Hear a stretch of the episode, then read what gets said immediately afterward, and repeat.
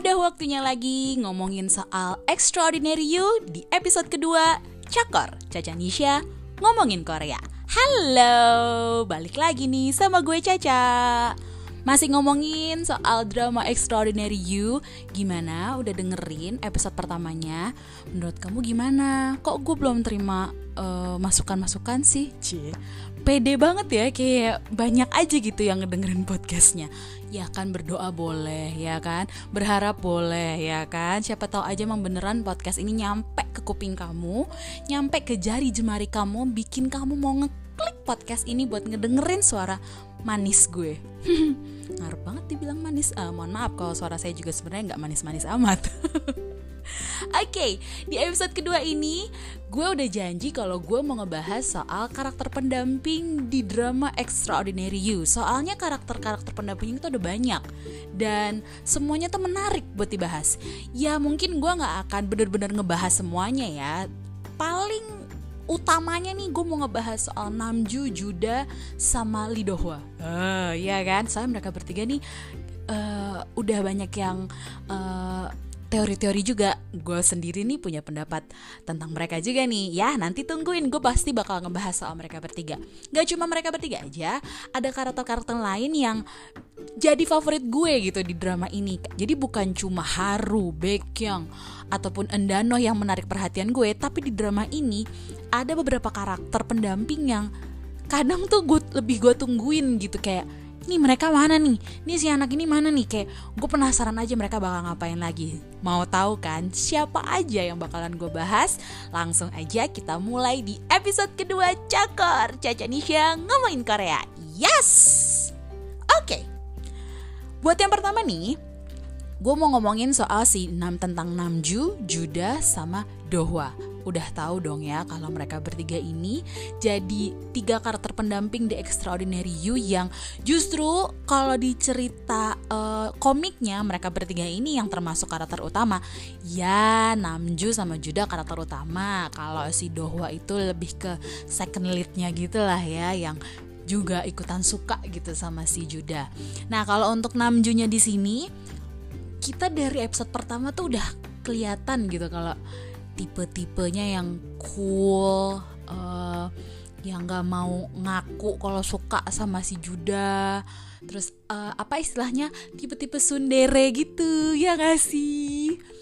Kalau gue pribadi pertama kali ngelihat Namju emang udah ngira sih kalau dia yang jadi pemeran utama di komiknya gitu.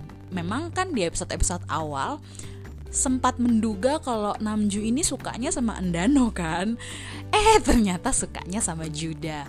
Nah, Namju di sini tuh uh, apa ya? Tipe tipikal cowok-cowok cool yang mudah untuk mendapatkan perhatian perempuan sih. Ya, emang kalau kita lihat di situ kan dia diceritain uh, bukan cuma misterius dan coolnya aja yang bikin disukai ya dia ceritakan anak orang kaya banget. Ibunya tuh kan kalau nggak salah katanya aktris ternama. Uh, ya terus kalau nggak salah kan kayaknya dia yang berinvest cukup banyak buat sekolahnya gitu. Ini kalau gue nggak salah tangkep ya di di dramanya ini. Jadi ya semakin digilai lah si Onamju ini ya kan. Kalau gue sih ya misalkan gue ada di posisi cewek-cewek itu di sekolah itu terus uh, bakal mengidolakan Namjo atau enggak? Iya mengidolakan sih iya ya tapi kayaknya nggak teriak-teriak juga kayak di drama itu.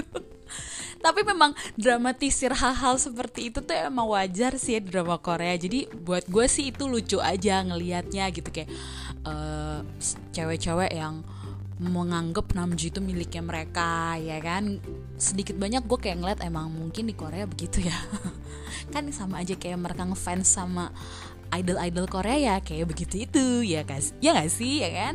Nah si Onam Ju di sini ternyata kan dia suka nih sama Juda di mana Juda diceritakan uh, bukan dari kalangan menengah ke atas. Nah dia masuk di sekolah itu karena dia mendapatkan beasiswa tapi tau gak sih apa? Entah kenapa gue mm, baru baru ngeh beberapa episode belakangan kalau emang Judah itu dapat beasiswa kenapa nggak terlalu diceritain kalau dia pinter ya?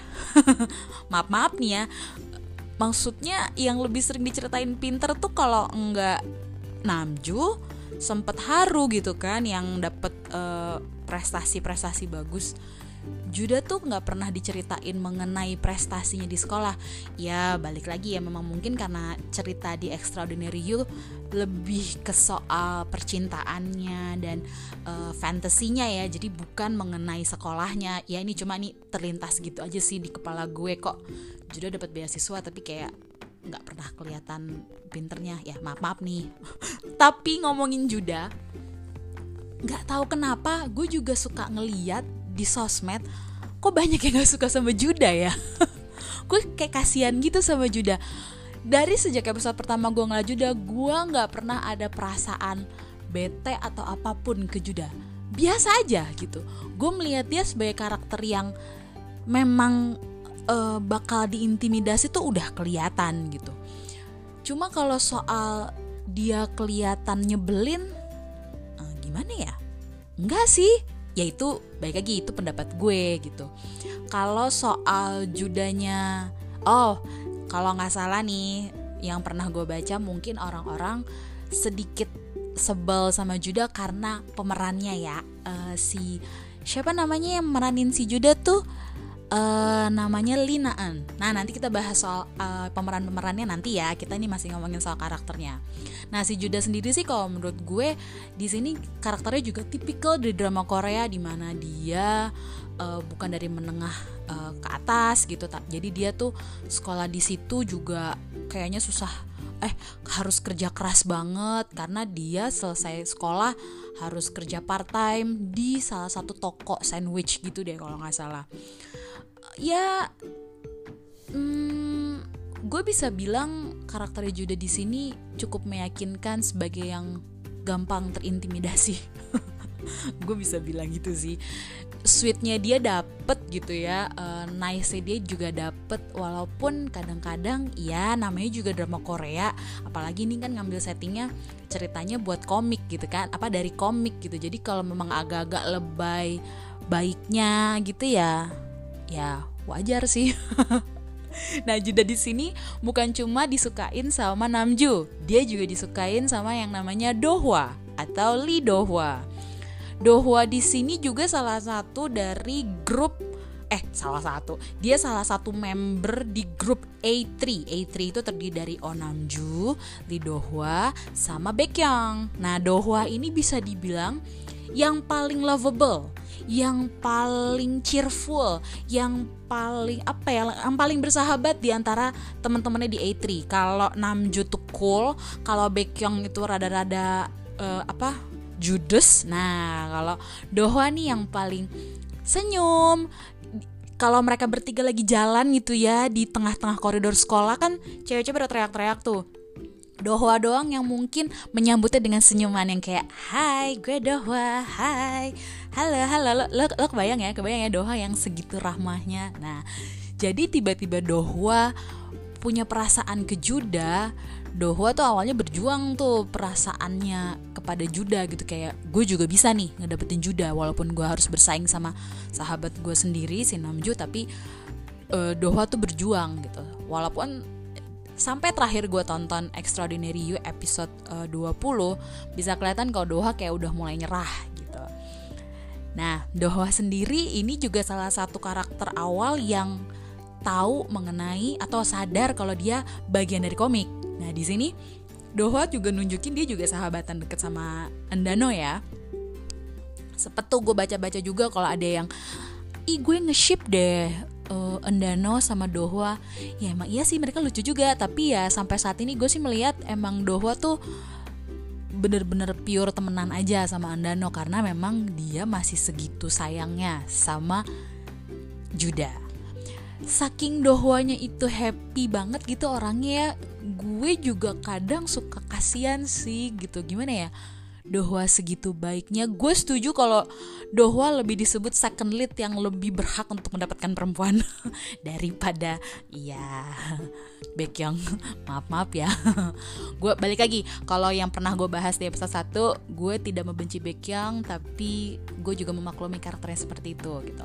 Soal second lead yang lebih menarik perhatian gue lebih seneng gitu dengan karakter Dohwa gitu memang dia happy person banget dia bersedia membantu Juda gitu kan. Uh, bukan cuma Juda aja dia bantuin Endano dia bantuin Haru dia juga suka nasehatin Beck yang bener-bener tipe cowok yang apa reliable gitu. Bisa bisa di eh bahasa Indonesia reliable apa sih? Ya pokoknya itulah.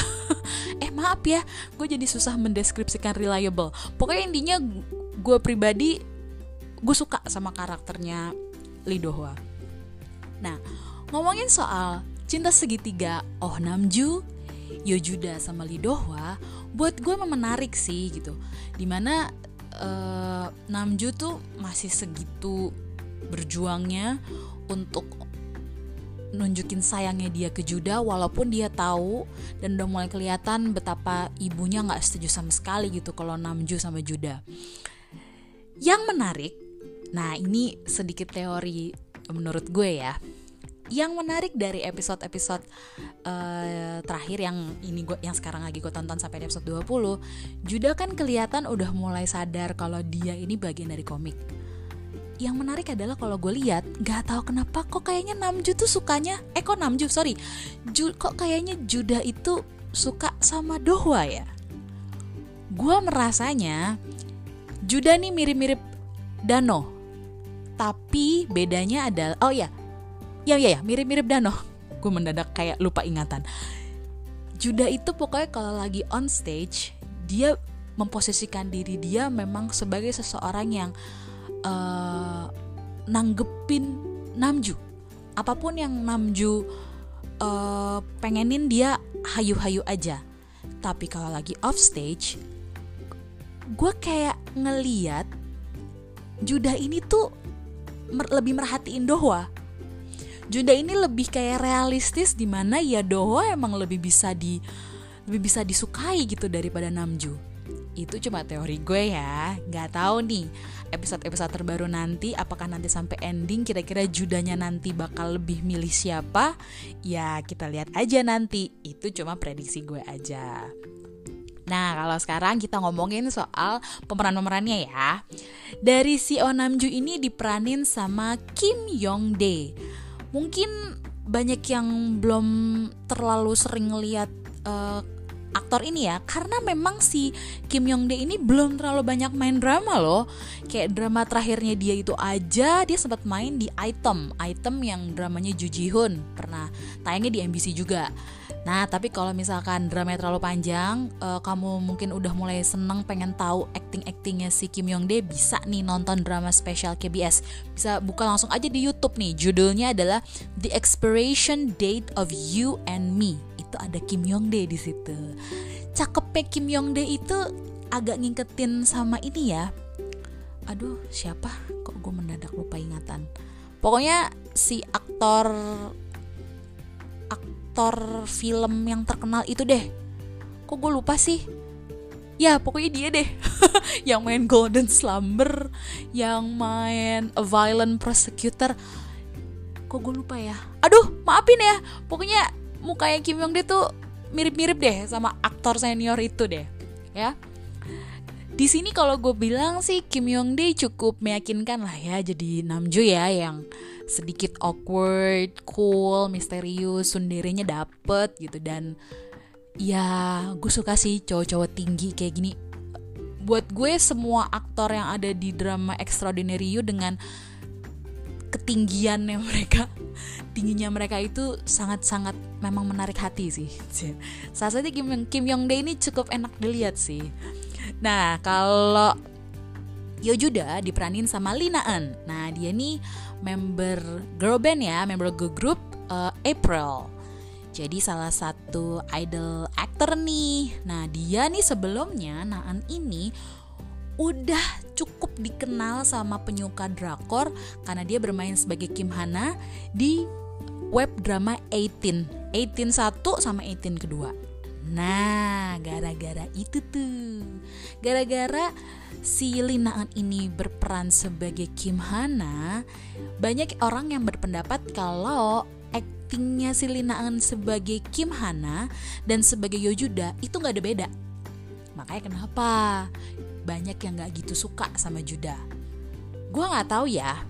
Kalau gue pribadi hmm, terkadang jangan terlalu ngebandingin sama karakter si aktornya atau si aktris dari drama sebelumnya ya. Kalau memang mengkritik karena aktingnya itu sama aja boleh.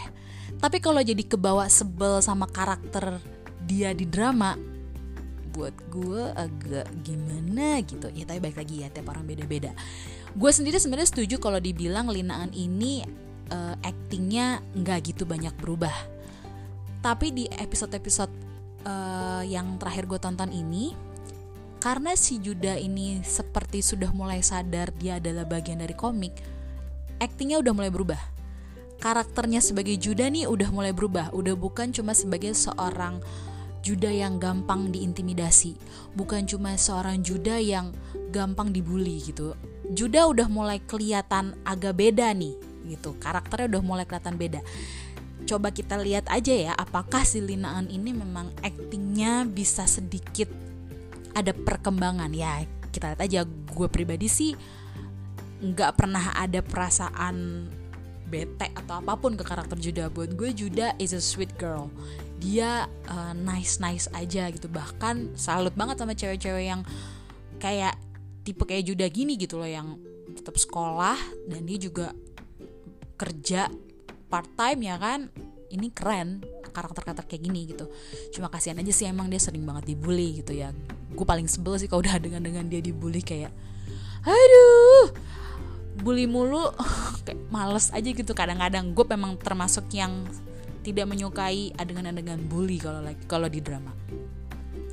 Nah setelah Judah ngomongin soal Lee Dohwa itu diperanin sama aktor bernama Jong Gonju bener gak sih bacanya?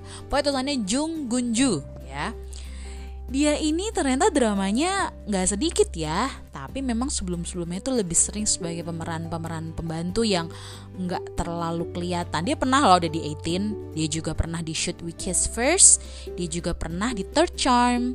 Nah sama kayak Kim Yong Dae Jung Gun Ju ini pernah ada di drama spesial KBS yang judulnya The Tuna and the Dolphin bisa tuh dicari di YouTube ya kan? Mungkin kalau ada yang udah suka banget sama Dohwa lebih suka Dohwa daripada karakter-karakter yang lain. Tonton tuh drama spesial KBS kan bisa lihat kan actingnya si Jung Gonju sebagai karakter yang lain gitu.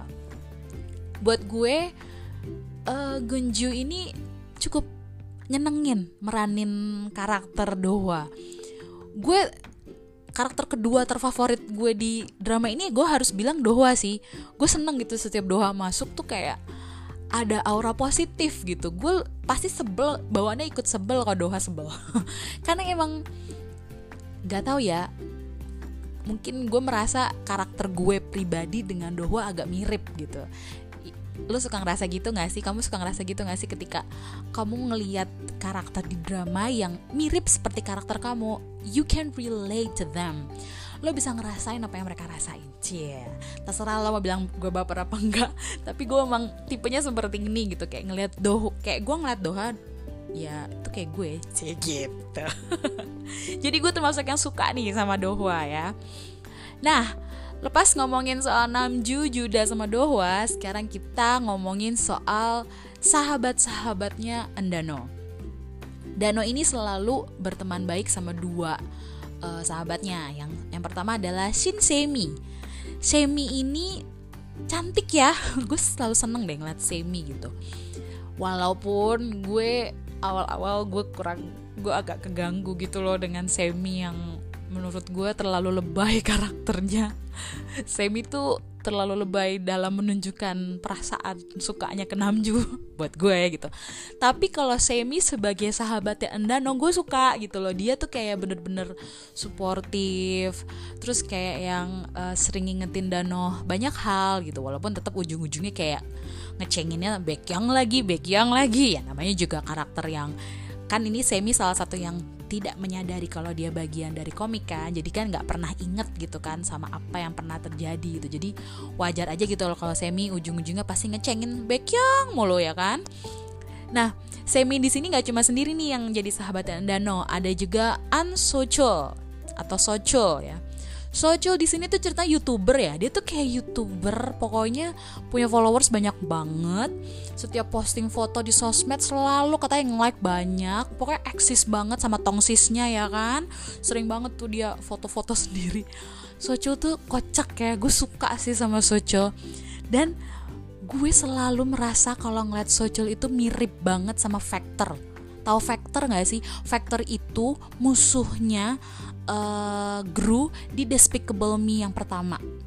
Kalau misalkan uh, kamu nggak tahu langsung aja searching langsung googling cari namanya Factor Despicable Me. Rambutnya sama-sama ponyan ya kan? Uh, kayak balon gitu di, di kepalanya. Terus sering pakai kacamata juga. Nah Socho kan sering pakai kacamata tuh. Pokoknya kalau Socho udah mulai ngomong merepet-merepet mulutnya yang udah melebar ke sana sini asli dia bener-bener ngingetin gue sama Factor bedanya Factor lebih seneng pakai baju training. Kalau Secul ya pakai baju baju sekolah gitu. Nggak tau buat gue Socul sama Factor tuh mirip banget aja bedanya. Mereka nggak ya Factor jahat Socul nggak jahat. Di sini Socul tuh lucu ya. Gue gue seneng banget sih kalau uh, kocak-kocaknya Socul tuh menarik perhatian gue. Dan kalau gue lihat-lihat lagi nih kayaknya si Socul tuh sebenarnya suka ya sama Semi. Agak sedikit kelihatan aja gitu perhatian-perhatian lucunya dia gitu ya kan. Kayak kadang dia suka ma suka ngebawain tasnya Semi atau uh, Semi waktu itu sempet pingsan dia kayak khawatir gitu. Gue gak tau sih nanti endingnya bakal gimana ya karena kan Semi kan bener-bener terang-terangan dia suka banget sama Namju gitu ya kan kita lihat aja nih nanti kira-kira Socol bakal gimana ya sama Semi. Nah kalau ngomongin soal pemeran-pemerannya, uh, Semi ini diperanin sama Kim Ji In. Kalau pernah nonton web drama yang judulnya The Way I Hate You atau How to Hate You, di sini Kim Ji In berperan loh sebagai karakter utama peran utama di drama itu dia main barengan sama Jaemin NCT. Nah, buat yang K-popers pernah nonton dramanya Jaemin, nah pasti tahu nih. Emang rada beda loh si Kim Ji In ini meraninnya. Seingat gue, gue pernah ngeliat sih trailernya si web drama itu. Itu karakternya dia di situ kalem banget gitu. Begitu jadi Shinsemi, wow nyerocos banget ya berhasil sih kalau gue bilang Kim Ji In oh ya FYI Kim Ji In ini satu manajemen ya sama Baekhyun atau Lee Jae Wook jadi ya nggak heran kalau ngelihat Lee Jae Wook sama Kim Ji In cukup dekat gitu karena mereka emang sama-sama satu manajemen. Kalau An Sojol itu diperanin sama Kim Hyun Mok. Jangan salah loh, dia umurnya belum um, udah nggak muda-muda amat, kelahiran tahun 91 jadi kalau dihitung-hitung nih An Sochol aslinya itu udah umur 28 Umur Korea berarti 29 Coba dong masih cocok banget meranin karakter anak SMA Gue aja kaget pas tahu dia kelahiran tahun 91 Oh my god. Oke okay, ngomongin udah ngomongin soal Ansocho, ngomongin Shinsemi Gue juga pengen ngomongin soal tiga cowok yang sering banget duduk di belakang kalau di kelasnya Endano. Gue nyebut mereka trio cowok bengal. Yang satu gemuk yang satu ponian agak-agak suka bodoh yang satu paling pecicilan. Tinggi rambutnya tuh tipis-tipis tuh suka tidur di kelas gambar.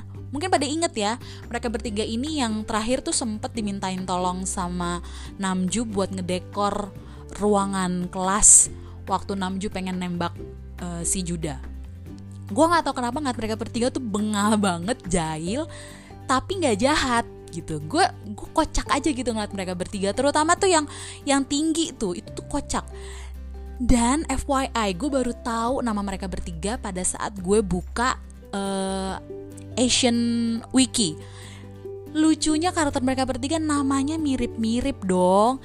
Nama mereka bertiga itu diawali kata-kata awalnya diawali dengan yang. Yang Il, Yang Yi, Yang Sam. Oh my god, gue baru tahu. Jadi mungkin aja mereka kita sebut trio Yam ya. lucu, mereka bertiga tuh lucu. Gue gue selalu kayak nungguin gitu nih mereka bertiga bakal ngapain lagi kocak aja gue seneng ngeliat mereka bertiga beda dengan trio cewek yang satu lagi di kelas yang kelas endano kelas endano juga.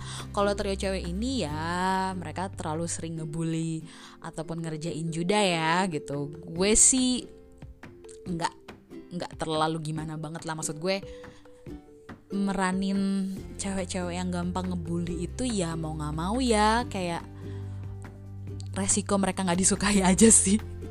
Buat gue trio cewek yang itu nggak terlalu menarik perhatian gue sih mereka actingnya bagi gue biasa aja gitu. Nah selain karakter-karakter yang ada di sekolah nggak lupa juga nih ada si Jin Miche. Kalau disebut itu si peri peri apa sih peri cumi kering apa ya? Jin Miche di sini ya bisa dibilang dia tuh karakter yang penting gak penting ya gak sih? Kayak dia itu orang yang paling pertama sadar mengenai kalau mereka itu tuh hidupnya ada di dunia komik. Gua nggak tahu ya, gue sih ngerasa emang Jin Miche ini kayak punya peran penting mengenai uh, karakter-karakter si Endano, Baekhyun, sama Haru. Soalnya ya, uh, eh, gue nggak tahu sih kemunculan si Jin Miche tuh selalu di di waktu-waktu yang penting gitu kayak dia selalu punya teori-teori sendiri Endano sadar terus gimana? Terus waktu Dohwa sadar terus dia gimana? Yang sadar terus dia gimana? Kayak Jimmy Che tuh selalu jadi bukan cuma pengingat gitu tapi kayak dia tuh yang tahu gitu. Ya nggak tahu juga sih gue ngerasa kayak dia kunci dari segalanya gitu. Tapi balik lagi gue pun merasa dia bukan penulis bukunya ya dia bukan penulis komik ya. Dia hanya karakter yang cukup penting yang menghubungkan karakter-karakter utama di Extraordinary You. Nah, si Jin Miche ini diperanin sama aktor yang bernama Literi. Cukup udah sering ya si Literi ini main drama, dia pernah di uh, Search WWW, dia juga pernah di Voice Tree, cukup banyak loh dan menariknya adalah Literi ini nama aslinya Lee Min Ho. tapi ya karena namanya berat ya udah ada ya udah ada aktor lain yang lebih terkenal makanya dia memutuskan mengganti namanya menjadi Literi. Oke okay, kayaknya soal karakter-karakter pendamping segitu aja ya. Soalnya ada banyak sih yang lain-lainnya kayak ada temen-temennya uh, apa ada dua cewek yang fans sama Baekhyun tuh ada dua cewek apa yang dulu tuh suka ngintilin Baekhyun tuh sempat suka juga sama Haru. Itu juga lucu sih kadang-kadang walaupun kadang suka lebay juga menurut gue. Ada juga adik tirinya Baekhyun yang tampaknya memang dia juga udah sadar ya kalau dia tuh bagian dari komik. Uh, gue juga cukup menungguin sih ini kira-kira ada cerita apa nih tentang adik tirinya Baekhyun. Ya we'll see lah ya kayaknya menarik Nah terus juga ada nih yang jadi bapaknya Endano. Itu mukanya gak asing banget ya. Gue yang gue inget sih dia tuh pernah main di Shopping King Louis. Nah sama drama-drama lain sih gue yakin sih dia udah ada banyak banget. Gue kayak pernah keliat juga deh bapaknya Endano ini kayak jadi jahat gitu di drama lain Tapi gue lupa lah drama atau film gitu gue lupa. Nah yang kocak adalah Entah ini kocak atau seru ya Bapaknya Baek yang ini Yang main di The Airs jadi bapaknya Kim Wo Bin. Gue lupa namanya Kim Wo Bin itu siapa di Airs. Dan galak juga. Bedanya kalau di Airs dia cuma galak ya. Kan kalau di kalau di Extraordinary You dia cenderung kasar karena sering ya ngasarin si Baekhyun gitu. Sering mukul sering sering nampar gitu. Pernah nonjok gak sih? Ya nggak tahu ya. Pokoknya abusive lah gitu kalau si bapaknya Baekhyun ini. Nah, emang yang meranin bapaknya Baekhyun itu Choi Jin Ho itu wow udah udah sering banget lah main di drama sering main di film sering gue ingetnya juga main di romantic Dr. Kim deh jadi jahat juga tuh dia di situ jadi nyebelin juga mungkin karena emang mukanya antagonis ya jadi kayak udah udah biasa gitu buat buat si uh, aktor ini untuk meranin karakter antagonis. Terus juga ada ibunya Namju, Cha Ji Hyun. Ini juga muka-muka nyebelin sih.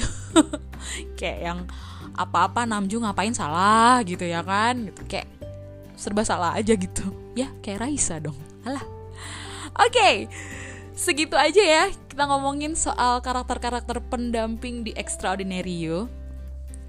Jadi kalau misalkan kamu ditanyain nih, lo pilih uh, Namju sama Juda atau Namju eh salah Juda sama Namju atau Judwa sama Dohwa? Ayo pilih mana? Kalau gue sih hmm, pilih siapa aja deh asalkan Juda bahagia. Asik So, segitu aja ngomongin soal karakter pendamping di Extraordinary You. Nanti di episode berikutnya gue langsung bakal ngebahas soal Extraordinary You dari episode awal sampai selesai. Jadi langsung kita review semua dramanya. Tapi bisa juga gue akan kasih bahasan tentang drama lain sambil nungguin Extraordinary You selesai banget banget nih. Soalnya tinggal bentar lagi, paling tinggal 2-3 mingguan lagi lah. Oke? Okay? Oh iya, gue lupa podcast ini direkam sekitar tanggal 6 November 2019 jadi jangan heran kalau misalkan gue bercerita di waktu-waktu di mana Extraordinary You itu masih tayang sampai episode 20 pokoknya di, di hari ini nih harusnya di Koreanya tayang episode 21 22 nih gitu. Jadi ntar gue bakalan ngebahas lebih banyak lagi. Oke? Okay? So, thank you ya udah dengerin ya di podcast episode kedua ini, di Cakor episode kedua ini. Sampai ketemu lagi di episode berikutnya masih barengan sama gue Caca. So, annyeong.